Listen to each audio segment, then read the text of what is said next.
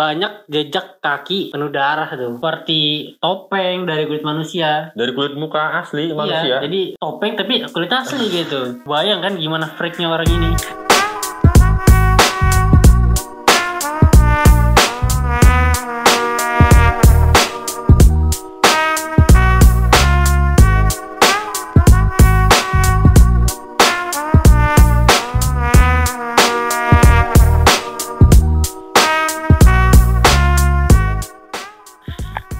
Lagi bersama kita. Di serial killer yang sangat killer. Kali ini kita akan membawakan cerita kisah nyata serial killer terkenal di Amerika Serikat. Ini adalah serial killer berasal dari Amerika yang akhirnya diangkat sebagai film-film Jadi, terinspirasi lah, iya, Film-film terinspirasi. ini terinspirasi dari kisahnya si serial killer ini. Iya. Nah, jadi di video kali ini kita mau ngebahas tentang Ed Gein. Ed Gein itu adalah seorang psikopat sih dia. Karena dia pembunuh juga. karena dia memiliki fetish yang gimana ya, Ya, tidak yang wajar sangat, yang sangat berbeda. manusia umum. Jadi buat kalian yang nggak tahu fetish itu apa, fetish itu adalah kesukaan seseorang akan bagian tubuh dari orang lain. Contoh kalau seandainya aku senang-senang lihat kukunya cewek gitu kalau bagus gitu kan. Nah tapi si pria ini beda nih, dia fetishnya dia itu mengerikan gitu ya. Nanti kita akan ulik itu bagaimana fetishnya. Ya ini langsung saja kisahnya. Ed Gein.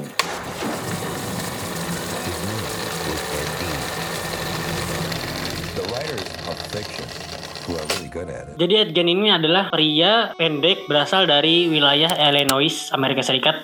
Edgen ini tinggal bersama tiga kakaknya dan satu ibunya karena bapaknya sudah lama meninggal dunia. Ed Gein ini tinggal bersama ibunya namanya Agustin, Hmm. terus ada kakaknya satu lagi namanya eh, Hendrik. Jadi ini adalah cerita asal mula kenapa Ed Gein itu memiliki jiwa-jiwa seorang psikopat sebenarnya. Asal mulanya itu adalah terjadi pada tahun 1944. Ya. Itu adalah saat Ed Gein, kakaknya Hendrik sama eh, ibunya si Agustin ini lagi ada pekerjaan nih. Dia tuh kerja apa namanya ngebakar hutan gitu kayak Iya, ngebersihin buat ladang. Iya buat ladang dia ngebakar hutan gitu kan. Eh, tapi kan seperti yang kita tahu ya kalau membakar hutan apalagi di cuaca terik kering itu kan bakal bisa ngebuat hutan ini percikan-percikan untuk melebar. untuk melebar ke mana-mana apinya. Nah jadi ini adalah awal mula di mana Edgen itu mulai-mulai memiliki jiwa cowboy sebenarnya. Kemudian yang terjadi selanjutnya adalah Henry ditemukan tewas yang diduga akibat kebakaran ladang ini. Sampai detik ini masih menjadi misteri apakah si Henry ini kakaknya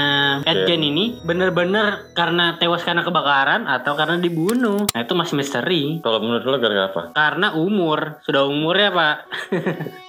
Nah, jadi setelah eh, kematian kakaknya si Hendrik tadi itu setahun setelahnya berlanjut dengan kematian eh, si Agustin, si ibunya si Edgen tadi. Ibunya si Edgen itu meninggal ya karena emang udah kotor usia ya, udah udah memang juga tua banget itu ibunya itu meninggal di umur 70 sampai 80-an juga usia ibunya meninggal. Nah, di situ karena memang Edgen ini dia tuh memiliki kedekatan yang sangat dekat banget sama eh, ibunya. Hmm. Jadi setelah ibunya si Edgen ini meninggal itu dia kayak langsung ngerasa mengalami trauma yang sangat berat banget gitu loh Karena benar-benar kehilangan benar-benar sosok kehilangan. ibunya. Karena dia juga seorang introvert ya. Jadi dia orang yang nggak bisa bergaul selain dengan kakaknya si Hendrik dan juga sama sama ibunya. Jadi setelah ibunya meninggal itu ya ya udah dia langsung menyendiri gitu. Kemudian dia pergi ke tokonya yang pemiliknya itu adalah bernama Bernice Warren. Beberapa hari selanjutnya di- dinyatakan si Bernice Warren ini hilang. Gak tahu ke mana orang pada hilang gitu. Kemudian warga itu mengintip ke toko di jendela tokonya itu banyak jejak kaki penuh darah tuh. Orang pada ribut kan udah tuh udah banyak jejak kaki darah. Karena beberapa hari toko itu pun juga tutup kan. Iya sudah lama tutup. Padahal yang tiap hari ini buka nih tokonya nih ke mana nih? Tiba-tiba tutup tokonya. Iya Setelah kejadian itu, adanya si Bernice ini, si Franklin dia melakukan sebuah investigasi nih. kebetulan juga dia adalah seorang deputi sheriff. Ya benar. Dia langsung melakukan sebuah investigasi dan setelah dia melakukan investigasi itu tercatat bahwa si Edgen ini pernah eh, pengunjung terakhir kali ke Hmm. toko hardware tadi sebelum menghilangnya si Bernice tadi. Iya. Polisi dan para para sheriff yang lainnya di era itu melakukan eh, sebuah penggeledahan. Yang bikin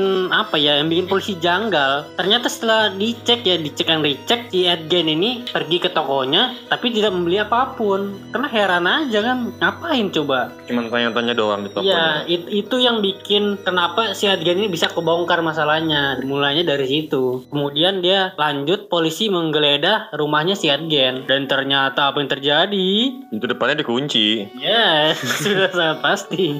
Di depannya terkunci, jadi semuanya yang polisi nggak bisa masuk ya. Ya.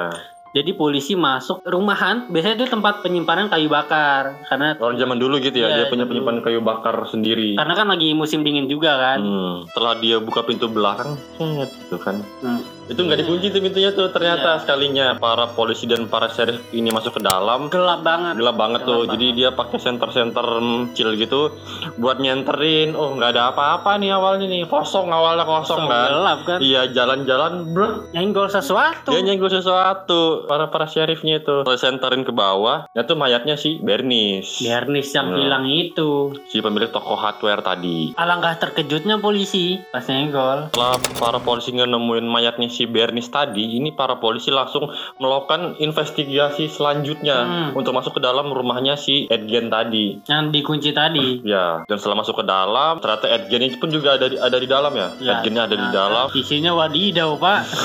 dan Ed ditangkap dan dibawa kantor polisi dulu Edgennya. Dan setelah dibongkar isi rumahnya, ternyata isinya berantakan banget, asli berantakan itu. Kayak rumah yang gak ditinggalin. Iya. Bener-bener kayak rumah yang udah gak ada penghuninya, gak ada listrik, gak ada Nah, pokoknya gelap semuanya. Semua bergelap, berantakan pokoknya semuanya. Tapi ada satu ruangan yang benar-benar beda dari ruangan lainnya, yaitu kamar ibunya Edgen ini. Benar-benar rapi, benar-benar dibersihin pokoknya. tiap hari ya. Ya. Bener-bener kayak kamar yang layak huni gitu ya. Hmm, Kemudian setelah diperiksa, ternyata polisi menemukan mayat siapa tadi? Setelah para polisi itu ngeliat kan di dalam kamarnya si mamanya, eh ibunya si Hmm, Edgen. Edgen tadi kan, si Ibu Agustin, uh kamarnya rapi banget gini kan. Udah tutup, setelah itu keluar, dia ada lihat ini nih apa amplop. Iya, amplop. Amplopnya itu kok ada rambut-rambut gitu kan dalam amplopnya ini. Curiga lah polisi. ya, setelah polisi curiga sudah polisi diangkat Iya. amplopnya dibuka set ada kepala lagi di dalam. Kulit kepala. Ini Mary- adalah korban pertama dari Edgen ini yang bernama Mary Mary. Hogan. Bernama Mary Hogan ini korban pertamanya. Nah jadi buat kalian yang belum tahu Mary Hogan itu siapa Jadi Mary Hogan itu adalah seseorang wanita yang mempunyai bar atau sejenis kayak tempat buat para-para orang-orang di sekitar desa itu untuk kayak minum-minum gitu Ya, kan Atau alkoholik. mereka para-para yang melakukan journey gitu baru capek singgah di bar situ Jadi dia kayak se- sejenis rumah singgah sih sebenarnya Hmm. buat orang-orang istirahat gitu kan Mary Hogan. Ya, Mary Hogan adalah seorang yang mempunyai tempat itu. Si Mary Hogan ini memang udah lama nggak pernah kelihatan lagi nih. Barnya dia pun juga lama tutup. Yang tadinya sering buka sama case-nya kayak Bernice tadi. Dan ternyata mayatnya Mary Hogan pun juga ditemukan di rumahnya si Edgen tadi. Nah, setelah diperiksa oleh polisi, ternyata polisi banyak menemukan ini absurd banget nih, absurd aneh. Banyak menemukan aksesoris yang terbuat dari kulit manusia. Serius loh. Gila banget itu. Memang si Edgen ini termasuk orang paling freak di desanya itu. Banyak dia membuat pernak-pernik tuh seperti topeng dari kulit manusia. Dari kulit muka asli Iya, manusia. jadi topeng tapi kulit asli gitu. Bayang kan gimana freaknya orang ini. Terus ada lagi dia bikin celana legging dari kulit manusia asli. Dari kulit kaki manusia asli. Sarung tangan pun juga. Bangku juga, bangku yang ininya nih, kainnya nih dari kulit Kayak manusia asli. Ini dari kulit manusia. Kulit orang dam ini.